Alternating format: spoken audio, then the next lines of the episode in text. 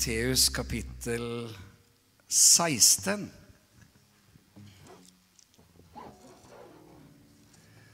Det må ha vært veldig rart å være disippel. Å være disippel av Jesus, og det er vi jo alle sammen, men nå tenker jeg liksom på disse første som fulgte han. Fordi han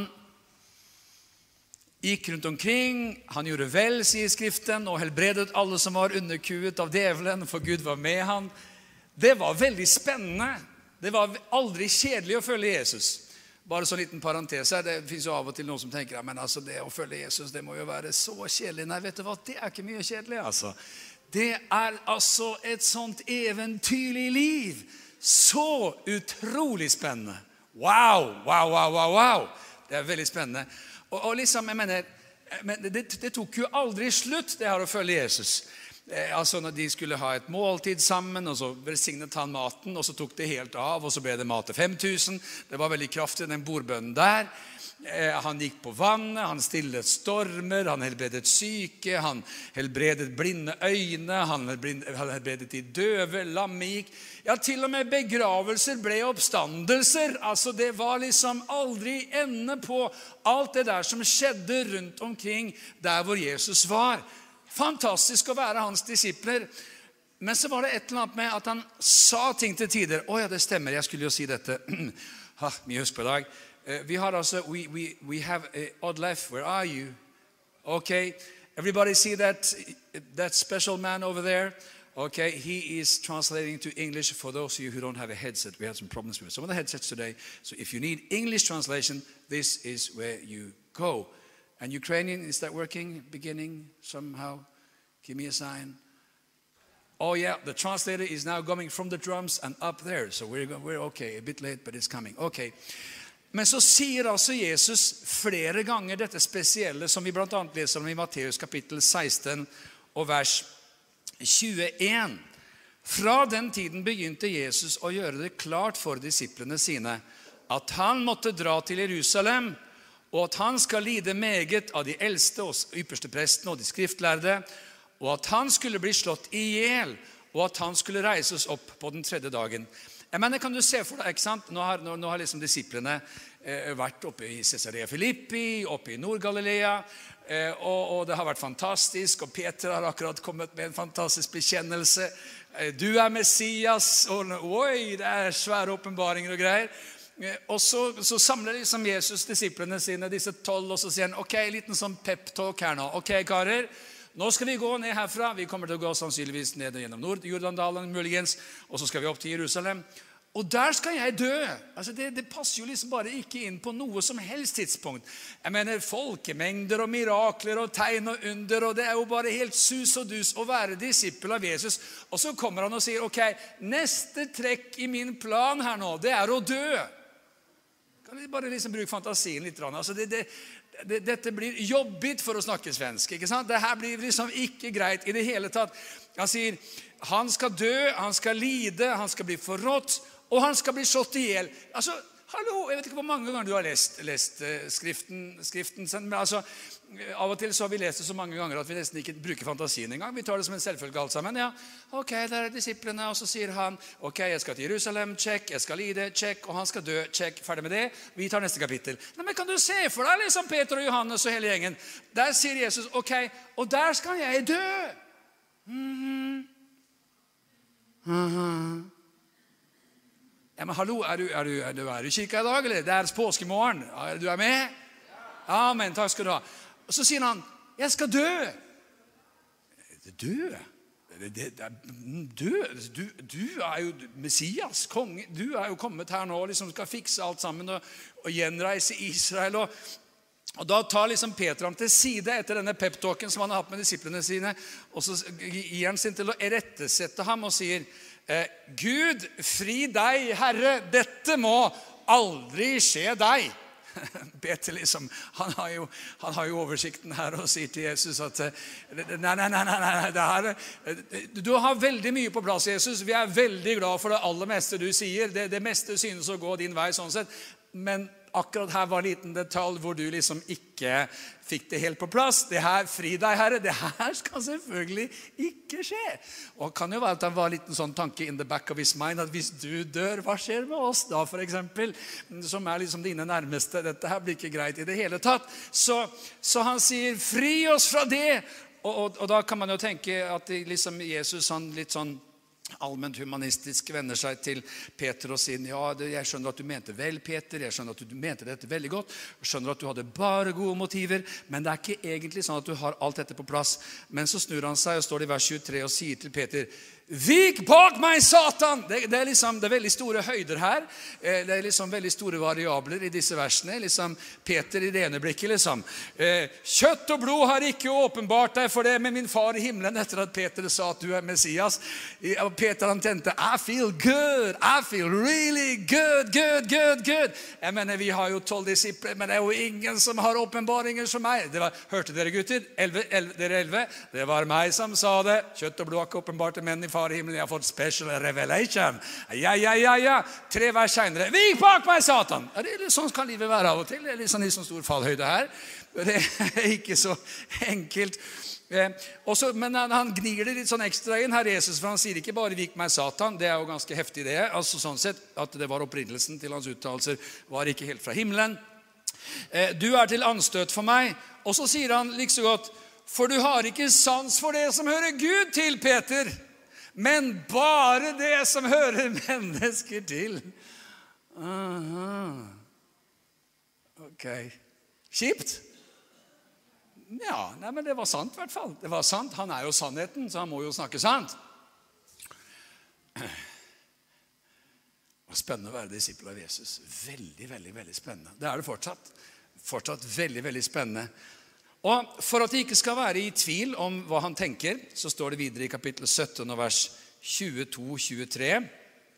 Mens de gikk omkring i Galilea, sa Jesus til dem Han samler disiplene igjen og sier, Menneskesønnen skal overgis i menneskers hender, og de skal slå ham i hjel. Og på den tredje dagen skal han reises opp. Da ble de dypt bedrøvet. Alle sammen sier dypt bedrøvet. Altså, hallo! Altså, nei! Nei, nei, nei, nei, nei, nei! nei. Det her funker jo ikke i det hele tatt. Hva er det her? Jo, det Jesus prøver å si her, det går liksom ikke hjem.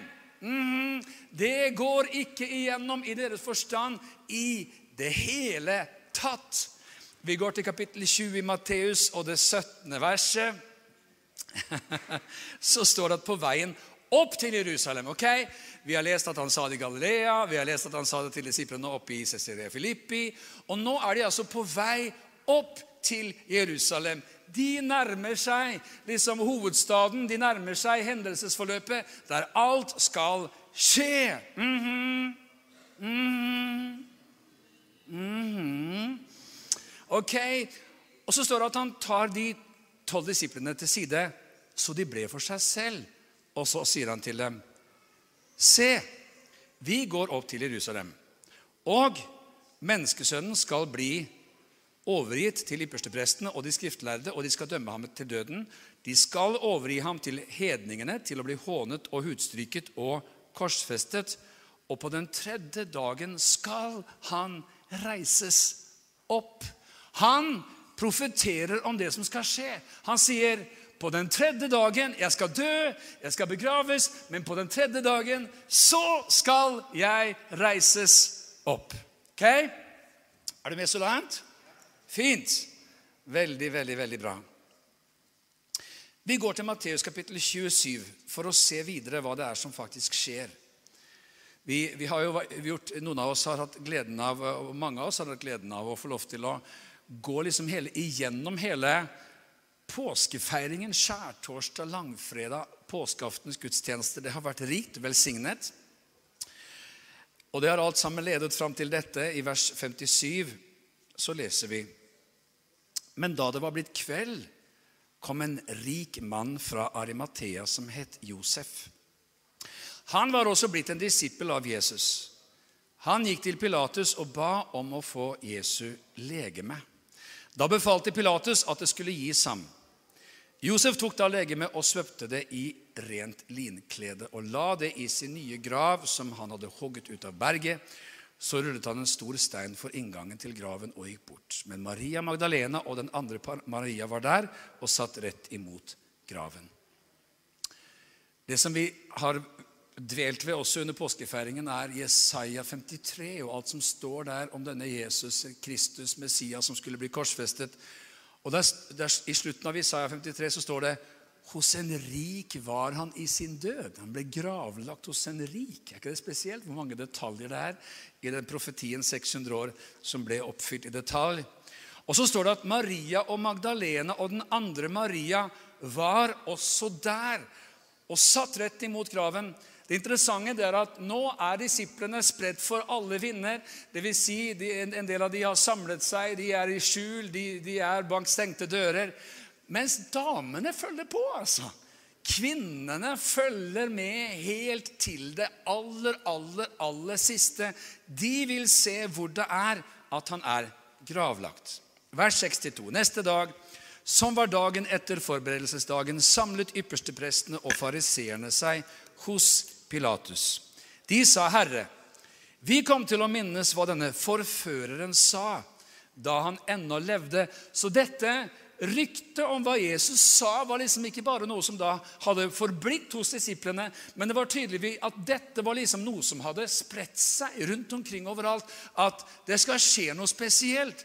For hva sier de her? Jo, dette sa forføreren mens han ennå levde. Jesus, altså. Etter tre dager blir jeg reist opp. Hmm. Spesielt. Gi derfor påbud om at det skal holdes vakt ved graven til den tredje dagen, så ikke disiplene hans skal komme og stjele ham, og så si til folket, han er reist opp fra de døde. Da ville den siste forførelsen bli verre enn den første. Pilatus sa til dem, her har dere vaktmannskap, gå bort og vokt graven som best dere kan. De gikk da og sikret graven ved å forsegle steinen og sette ut vakter. Etter sabbaten, da det lysnet mot første dag i uken, kom Maria Magdalena og den andre Maria for å se til graven. Og se, det ble et stort jordskjelv, for en Herrens engel steg ned fra himmelen, gikk fram og rullet steinen til side og satte satte seg på den. Han var som lyn å se til, og klærne hans var hvite som snø. De som holdt vakt, skalv av redsel for ham, og de ble som døde. Husker du når Jesus Kristus skulle blitt født her på jorden? Så var det englene som kunngjorde for gjeterne at i dag er det født dere en frelser i Davids by. Og englene nå har de fått lov til å komme tilbake igjen for å kunngjøre noe som de har ventet skikkelig lenge på å si. altså. De kommer og sier til disse kvinnene Engelen tok til orde og sa til kvinnene, 'Frykt ikke. Jeg vet at dere søker Jesus den korsfestede. Han er ikke her. Han er blitt reist opp, slik som han sa.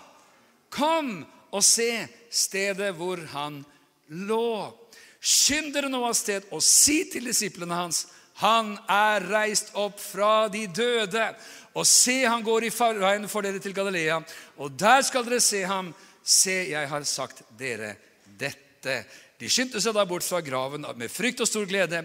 De løp av sted for å fortelle det til disiplene hans. Det er jo nydelig at kvinnene er verdens første evangelieforkynnere. De første som sier 'Han er oppstanden'. Takk for entusiasmen. Det er jo herlig da, å tenke på det. Det fins en eller annen som har tenkt at ja, jeg er litt sånn usikker på om kvinner kan preke. og sånn. Ja, Da har de ikke lest Bibelen godt nok. altså.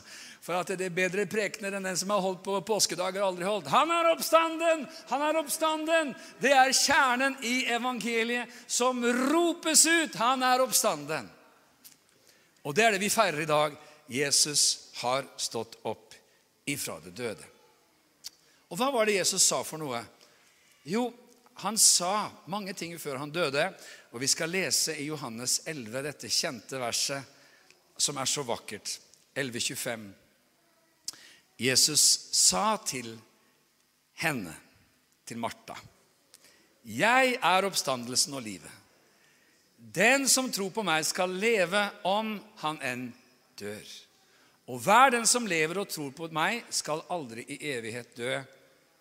Tror du dette?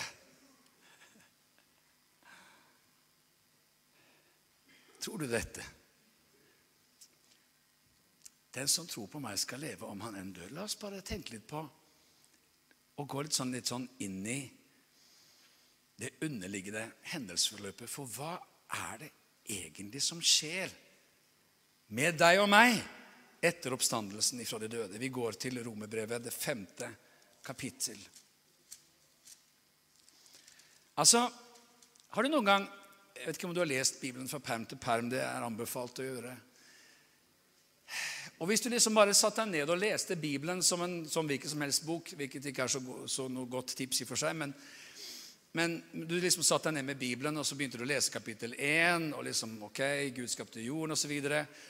Og, så og så kommer liksom en hovedperson på banen. Gud skaper mennesket. Eh, Adam og Eva. Og så går det bare så utrolig kort tid til hovedpersonen roter det til. Har du, liksom, har du lest noen annen bok eller roman eller et eller annet, hvor du liksom, du liksom lever deg inn i historien, og så hovedpersonen bare roter det til noe så skikkelig.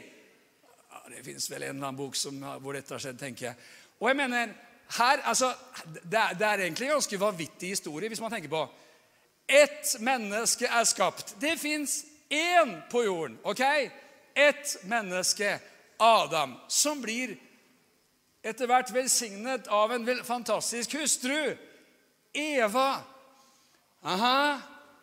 Og så det er to mennesker. Og så liksom roter de til alt med en gang. Hallo! Gud skaper jorden, han velsigner dem. Vær fruktbare, bli mange, mann, kvinne.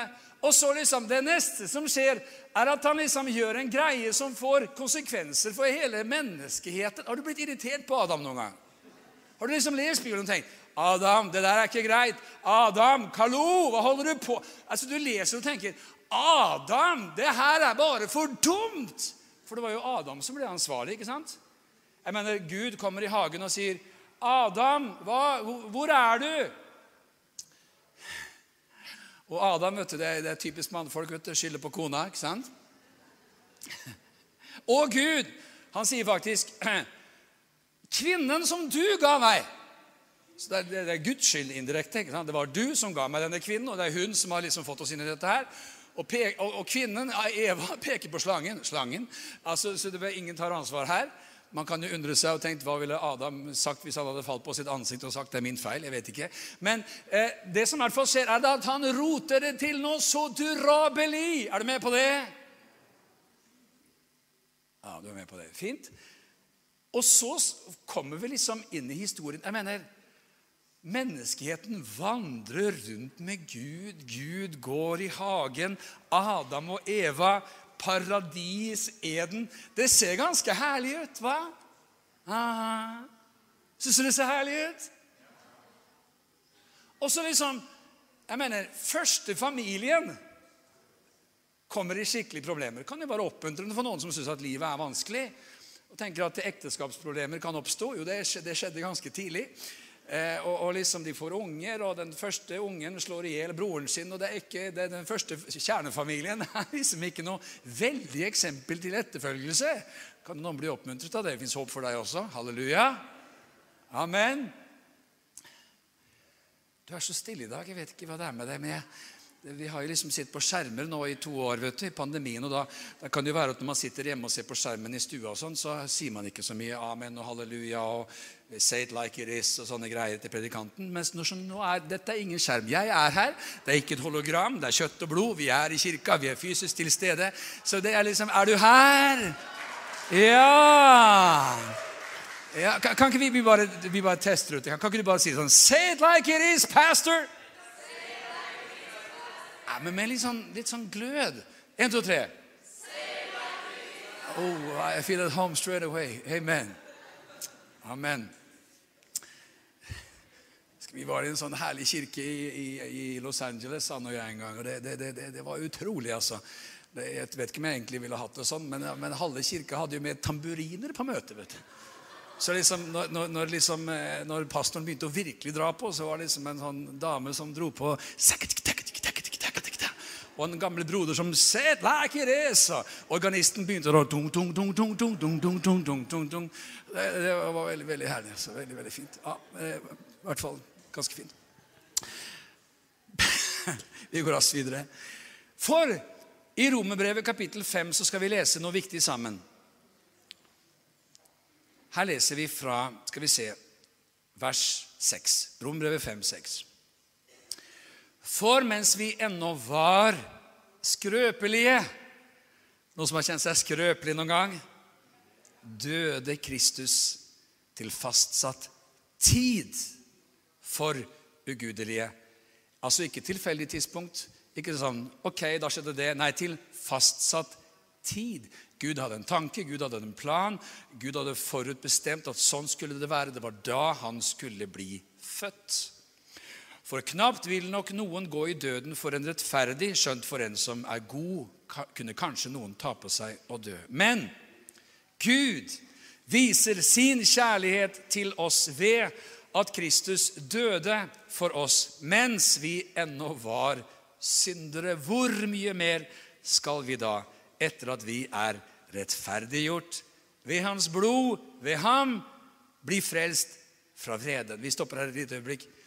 Vi er blitt rettferdiggjort.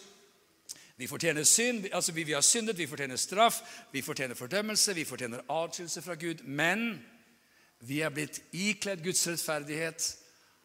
Hans tilgivelse har fylt oss gjennom blodet som Jesus utgjøt på Golgata-korset.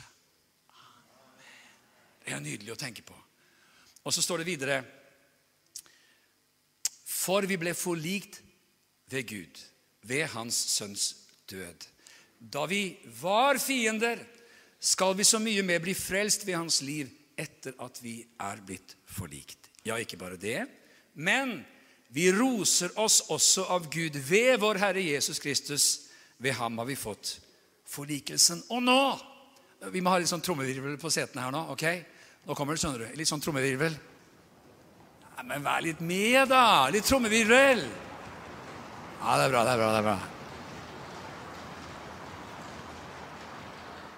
Fint. Hør på dette her. Derfor Hør på dette, dette er så bra. Åh. Like som synden kom inn i verden ved ett menneske, Adam, og døden på grunn av synden. Og døden slik trengte igjennom til alle mennesker. Fordi de syndet alle. Altså Adams handlinger, syndefallet, gikk utover hele menneskeheten. For vel var det synd i verden før loven kom, men der det ikke er noen lov, blir synden ikke tilregnet. Likevel står det hersket døden fra Adam til Moses, også over dem som ikke hadde syndet ved et lovbrudd, slik som Adam. Han som er et forbilde på den som skulle komme. Jeg husker så godt, jeg har jo hatt noen reiser i Israel. Hadde en for kort tid siden han og jeg med gruppe pastorer. Det var fantastisk. Og jeg husker For eh, noen år siden så hadde vi en reise, og det var en, en jødisk eh, reiseguide som reiste med oss.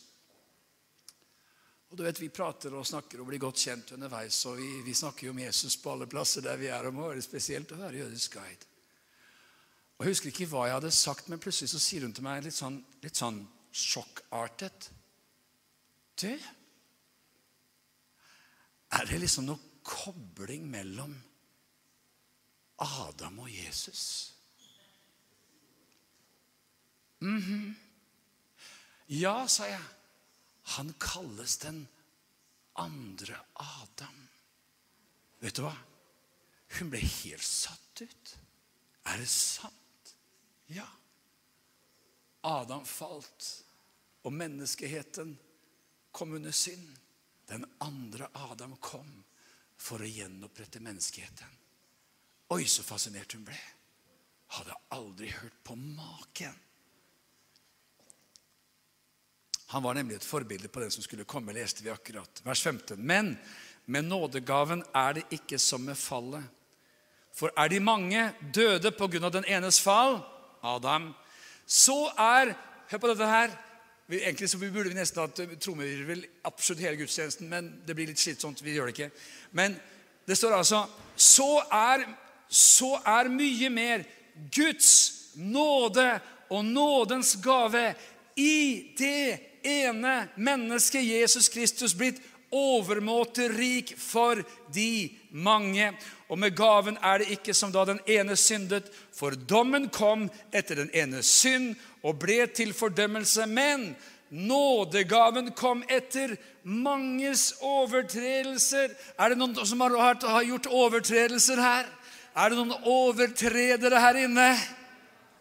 En ærlig sjel, er det noen overtredere her inne? Jeg syns jeg jobber veldig bra, altså, men det var litt Fins det, over, det noen overtredere her inne? Ja! Ja! Ærlig skal man være i kjerka, hva? Nådegaven kom etter manges overtredelser og ble til frifinnelse. Mm -hmm.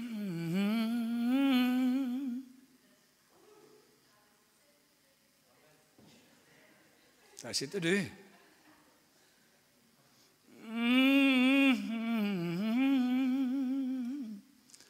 Ja, der sitter du.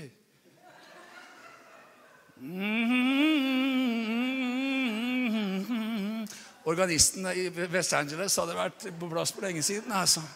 Men vi kommer oss.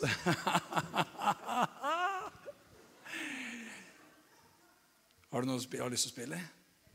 Jeg tror det.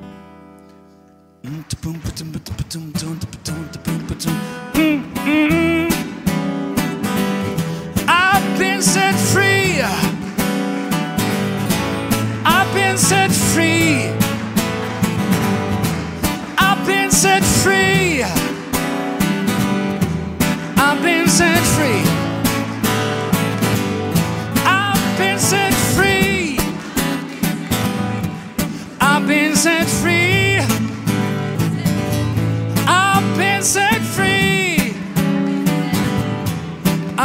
set free.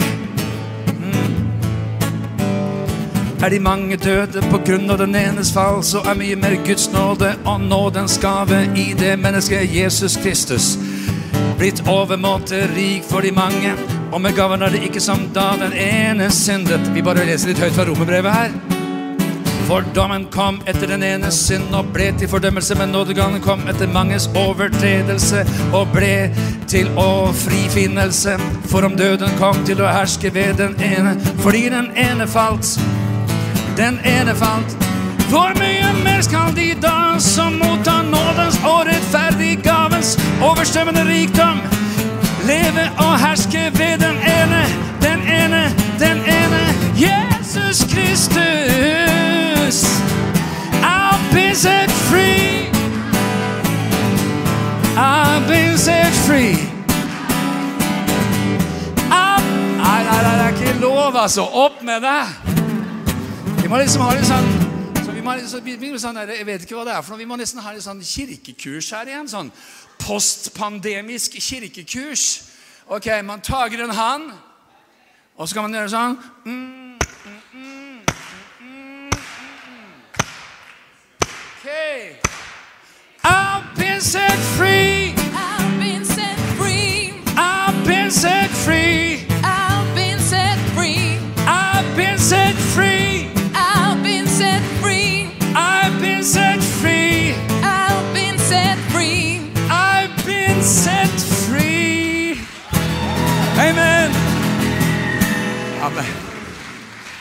Veldig bra. Takk skal du ha. Om ikke alle fikk det med seg, så leste vi altså at for om døden kom til å herske ved den ene fordi den ene falt Hvem falt? Hvem falt? Adam. Hvor mye mer skal da de som mottar nådens og rettferdighetsgavens overstrømmende rikdom, leve og herske ved den ene Jesus Kristus? Altså like som én manns overtredelse, Adam, ble til fordømmelse for alle mennesker. Slik blir også én manns rettferdige gjerning, Jesus, til livsens rettferdiggjørelse for alle mennesker.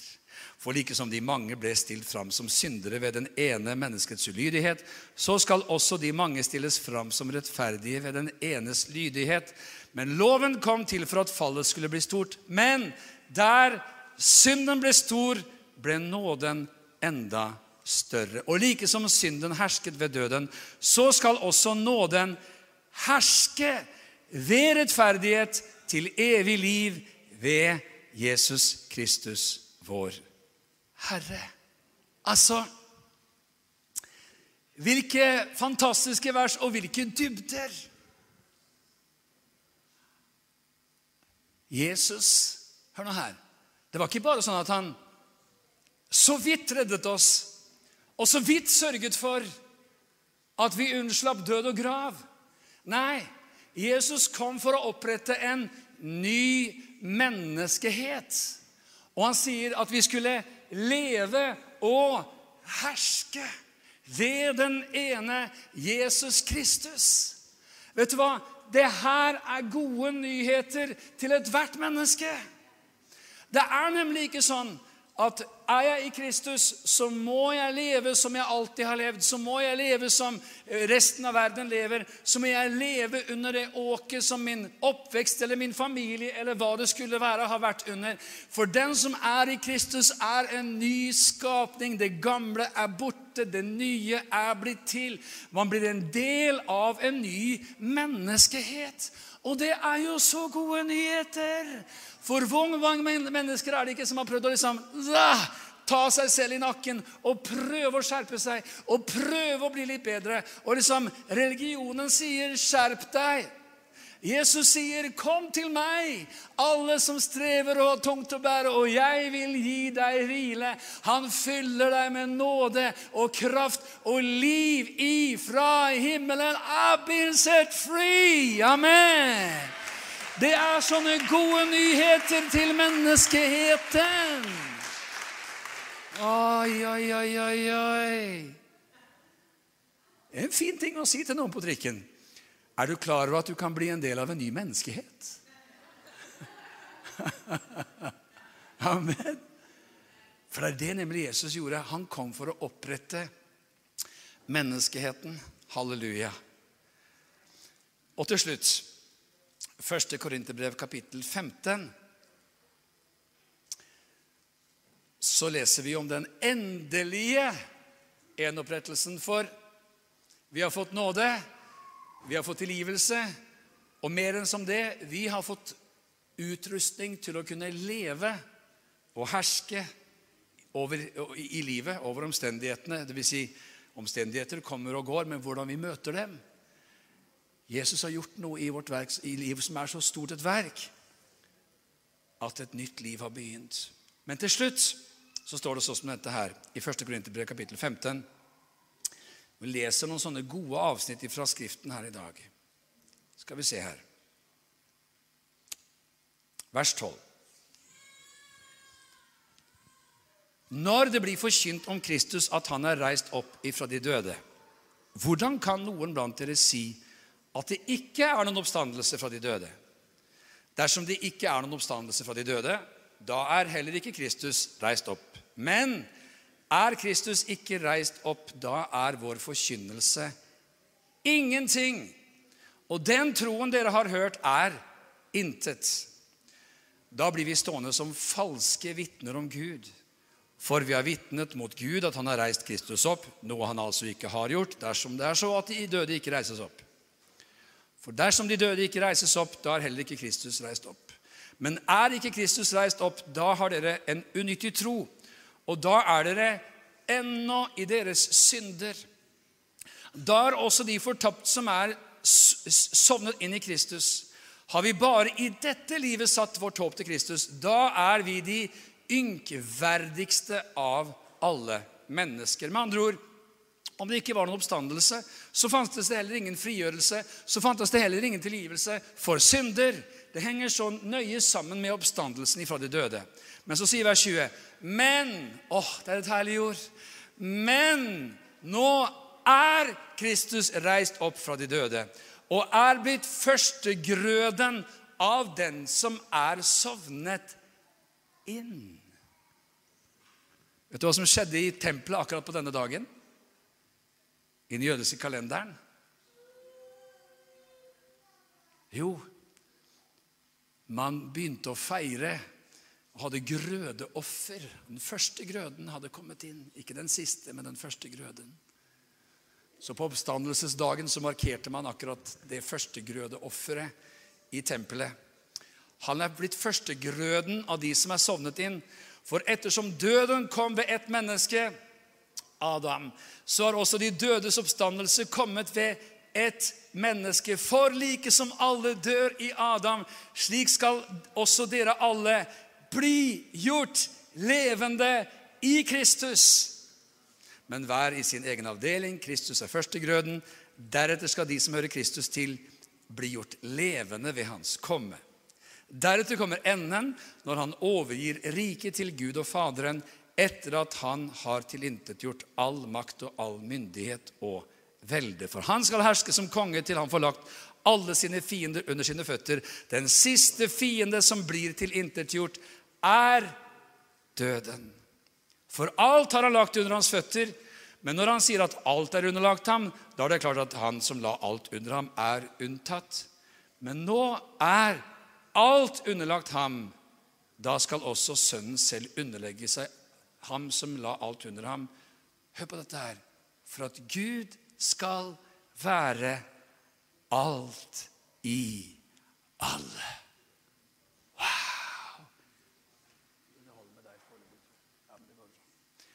Gud skal være alt i alle.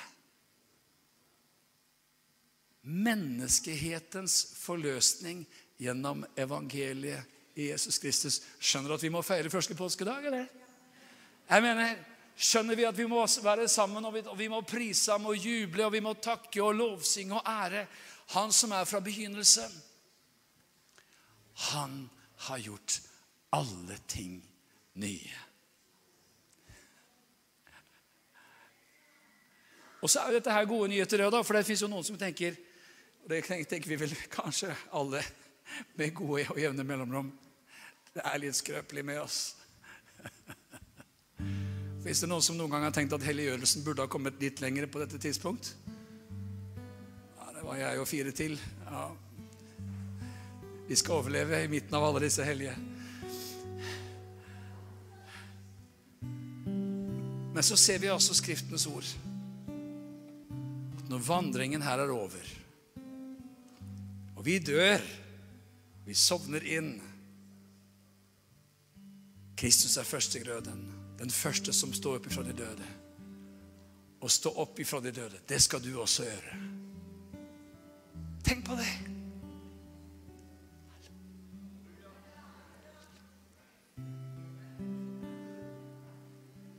Kristus sto opp ifra de døde, og det skal du også gjøre. Amen. Wow. Dette er evangeliet. Jeg mener, fins det noe vakrere, noe rikere, noe herligere? Adam rota det til. Ja da. Men Gud hadde en evig frelsesplan. Å fullende alt i Jesus Kristus, den andre Adam, som gjenopprettet alt. Og Derfor så står det at den som er i Kristus, er en ny skapning. Det gamle er borte, det nye blitt til. Derfor så er det det som gjelder for hver eneste menneske. Det er å komme seg inn i Kristus ved tro. Amen. Vi reiser oss opp, alle sammen. Kanskje du har blitt med her på gudstjenesten i dag som hører om dette. Den nye Adam, Jesus Kristus, som har forsont menneskeheten med seg selv. Men kanskje din situasjon er at du ikke har fred med Gud. Kanskje du ikke vet om du er på vei til himmelen. Kanskje du ikke har din sak i orden med Gud. Vet du hva? Da er frelsen en nådens gave. Og Det eneste man kan gjøre med en gave, det er å ta den imot. Og Derfor så er mitt spørsmål til deg om du ikke følger Jesus eller trenger å komme tilbake til han fordi ting i ditt liv har gått i stykker. Vil du ta imot nådens gave? Vil du ta imot frelsens tilgivende gave, helt uforskyldt av nåde? Så mens vi bare bøyer hodene våre og står i stille bønn innenfor Herren akkurat nå, så spør jeg er du her som sier Be med meg i dag. Jeg trenger fred med Gud. Jeg trenger visshet om min frelse. Jeg trenger å vite at jeg er på vei til himmelen. Jeg trenger å kalle på Hans navn. For hver den som kaller på Jesu navn, skal bli frelst. Hvis det er deg så, som sier 'be for meg', jeg trenger å få min sak i orden med Gud, så, så rekk opp hånden din der du står. Som et tegn på at du sier 'ja, jeg vil bli forsont med Jesus, min skaper'. Var det noen her inne? Så rekk opp hånden din der du står, så skal vi be sammen. Takk, Herre Jesus Kristus, for at du er så god og så trofast. Gud velsigne hver eneste en som har løftet hånden sin. Og nå tror jeg vi rett og slett skal ta oss og bekjenne det her som vi egentlig akkurat har hørt om, sammen oppsummert i trosbekjennelse.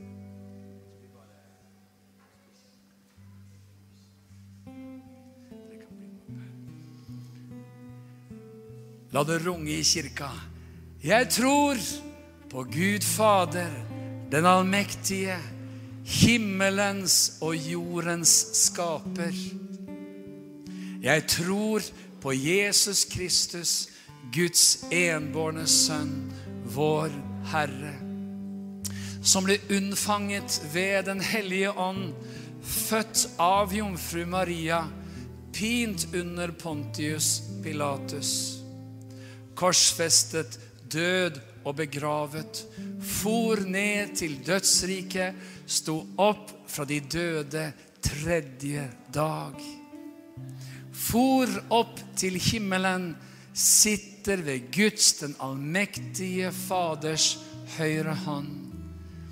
Skal derfra komme igjen for å dømme levende og døde.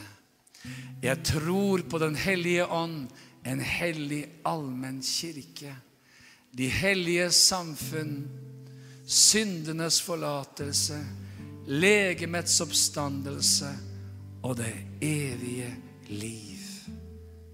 Amen.